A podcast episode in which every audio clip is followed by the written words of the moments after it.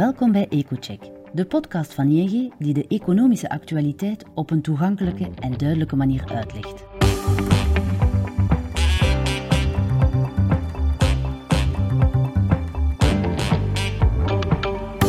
Om de twee weken buigen onze economen zich over de meest besproken gebeurtenis en analyseren zij de economische en financiële gevolgen voor u of uw onderneming. Vandaag is uw gastheer Wouter Thierry, econoom bij ING.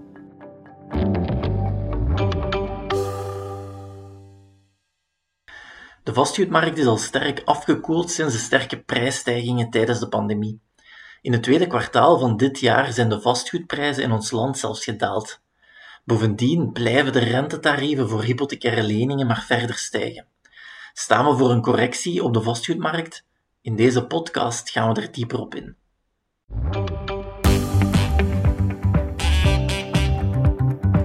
We luisteren naar de analyse van Wouter. De stijgende rente krijgt de vastgoedmarkt steeds meer in zijn greep.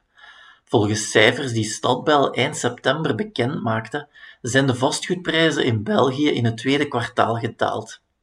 De mediaanprijs voor een woning is met 1,2% gezakt ten opzichte van het eerste kwartaal van dit jaar. De daling deed zich voor in alle regio's en vooral de prijzen van huizen zijn gedaald, terwijl de prijzen van appartementen nog lichtjes verder zijn gestegen.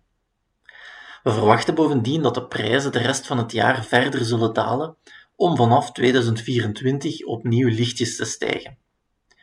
Ook het transactievolume is duidelijk afgenomen. In het eerste halfjaar werden 23% minder huizen verkocht en 16% minder appartementen in vergelijking met de eerste helft van 2022. De hoge rente doet de appetijt van vastgoedkopers dus duidelijk afnemen. Wie nu een woning koopt, zal maandelijks meer moeten aflossen, omdat de rentekosten veel hoger zijn dan anderhalf jaar geleden.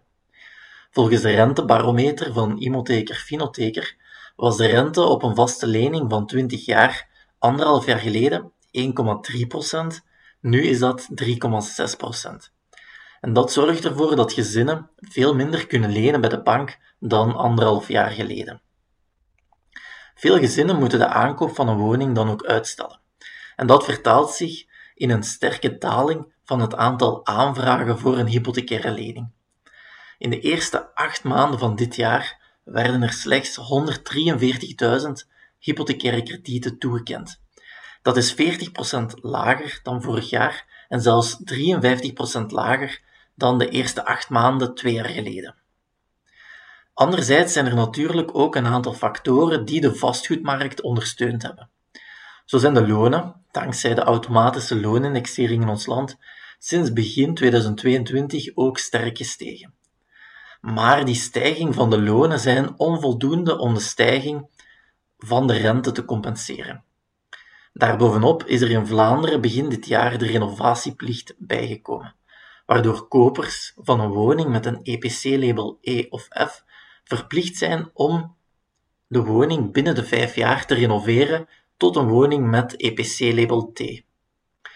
Die verplichting zal extra druk zetten op de prijzen van deze energieverslindende woningen, want kopers zullen de kostprijs van de renovatie natuurlijk gaan meenemen in hun budget.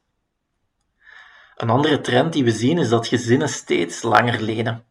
De gemiddelde looptijd van nieuwe hypotheken is in de portefeuille van, van ING in een jaar tijd met bijna een jaar gestegen, van 18,9 jaar in 2021 tot 19,8 jaar in 2022. En ook in de eerste helft van 2023 is de gemiddelde looptijd verder toegenomen. Vooral jongeren die voor het eerst een huis kopen, kiezen tegenwoordig meestal voor een looptijd van 25 jaar, terwijl er vroeger meer jongeren waren die leenden op 20 jaar.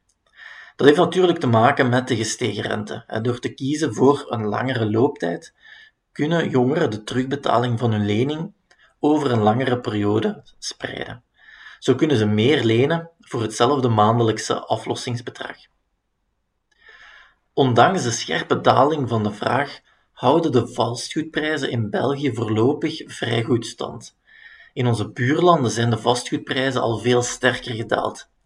In Duitsland bijvoorbeeld zijn woningen al 10% goedkoper dan tijdens de piek van de prijzen. In Nederland zijn ze al 5% goedkoper en in Frankrijk 2%. In België hebben we historisch gezien altijd minder extreme prijsschommelingen gehad dan in de buurlanden. We hebben bijvoorbeeld ook een analyse gemaakt van de evolutie van de huizenprijzen sinds 1990 en België kwam in de studie naar voren als een van de meest stabiele vastgoedmarkten van de OESO. De volatiliteit van de woningprijzen ligt hier opvallend lager dan in andere OESO-landen en we hebben veel minder negatieve uitschieters. Zo zijn de Belgische woningprijzen sinds 1990 slechts twee jaar gedaald. Voor de eurozone ligt het gemiddelde op vier jaar. In Italië zijn de vastgoedprijzen zelfs in 12 jaar gedaald sinds 1990. Tot slot blijkt ook dat de zeldzame correcties in ons land minder fors zijn dan elders. De grootste Belgische prijsdaling in één jaar sinds 1990 is een relatief bescheiden daling van 0,6% in 2014. Ter vergelijking, in Spanje daalden de huizenprijzen in 2012 met maar liefst 14,8% in één jaar tijd. De Belgische vastgoedmarkt is dus veel stabieler tijdens periodes van economische onzekerheid dan in andere landen. Er zijn verschillende factoren die de stabiliteit van de Belgische vastgoedmarkt verklaren. Ten eerste zijn Belgische banken doorgaans wat behoudender bij het toekennen van hypothecaire kredieten. In Nederland kunnen gezinnen gemakkelijker tot 100% van de aankoopprijs van de woning lenen, terwijl dat in België heel uitzonderlijk is. In Nederland wordt er ook vaker gewerkt met aflossingsvrije leningen, waarbij je enkel rente betaalt en geen kapitaal. In België komt dat nagenoeg niet voor. Daarnaast stijgen de prijzen in ons land ook minder snel tijdens periodes van hoogconjunctuur, wat het risico op oververhitting van de markt vermindert. Een ander verschil met andere landen is dat België veel waarde hechten aan het bezitten van een eigen huis. We hebben in België een heel groot aandeel huiseigenaars. Terwijl in België 72% van de gezinnen eigenaar is van zijn eigen woning, is dat in Duitsland minder dan de helft van het aantal gezinnen. En dat stabiliseert ook de markt, omdat een Belg niet snel zijn eigen woning zal verkopen als de markt aan het keren is. Ten slotte hebben Belgen nog steeds veel vertrouwen dat de vastgoedprijzen de komende jaren verder zullen blijven stijgen. Uit een enquête die we in juni van dit jaar hebben afgenomen bleek dat 8 op de 10 Belgen geloven dat de prijzen verder zullen blijven stijgen het komende jaar. Daarnaast gelooft ook de helft van de Belgen dat huizenprijzen nooit zullen dalen in ons land. En deze koppige overtuiging dat de huizenprijzen zullen blijven stijgen, stabiliseert ook de prijsschommelingen. Als verkopers geloven dat de prijzen niet zullen zakken, zullen ze ook minder snel bereid zijn om een lager bod te gaan aanvaarden. Dat zorgt ervoor dat een dalende vraag zich in België vrij langzaam vertaalt in lagere prijzen. Verkopers hebben tijd nodig om zich aan te passen aan de nieuwe realiteit. Ze herinneren zich misschien dat hun buurman zijn huis twee jaar geleden voor een mooie prijs heeft verkocht en ze houden vast aan die hogere prijs. Ze wijzen een lager bod af in de hoop dat er volgende week misschien een andere koper komt die wel de vraagprijs zal bieden. Daardoor stijgt altijd eerst de verkooptijd voordat de prijzen van vastgoed in ons land daadwerkelijk beginnen te dalen. Er zijn wel steeds meer tekenen dat huizen inderdaad steeds langer te koop staan en dan zeker woningen met een slechte EPC-score. Hoe langer de woning te koop staat, hoe groter de kans natuurlijk dat de eigenaar na een tijdje toch een lagere prijs zal aanvaarden. De gestegen verkooptijden wijzen erop dat er een ommekeer in de vastgoedmarkt zit aan te komen. We verwachten dat de woningprijzen de komende maanden nog wat verder gaan zakken om in 2024 opnieuw lichtjes te beginnen stijgen. We zien ook de laatste weken dat de rentevoeten op hypothecaire kredieten verder aan het stijgen zijn en, is er, en er is een goede kans dus dat lenen de komende maanden nog wat duurder zal worden. Bovendien zullen de rentevoeten waarschijnlijk ook niet snel terug gaan dalen. De Europese Centrale Bank heeft al aangekondigd dat ze de rente lange tijd hoog wil houden. Dat zal er ook voor zorgen dat ook de rentevoeten op hypothecaire leningen lange tijd hoog zullen blijven. Dat was het voor deze keer. Dank voor het luisteren en hopelijk tot in een volgende podcast.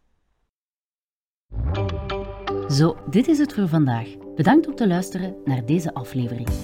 Aarzel niet om onze EcoCheck podcast te volgen, zodat u geen enkele aflevering hoeft te missen.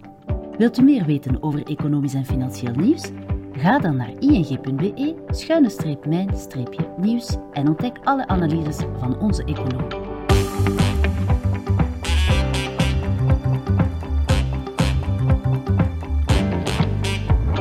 Graag tot de volgende aflevering.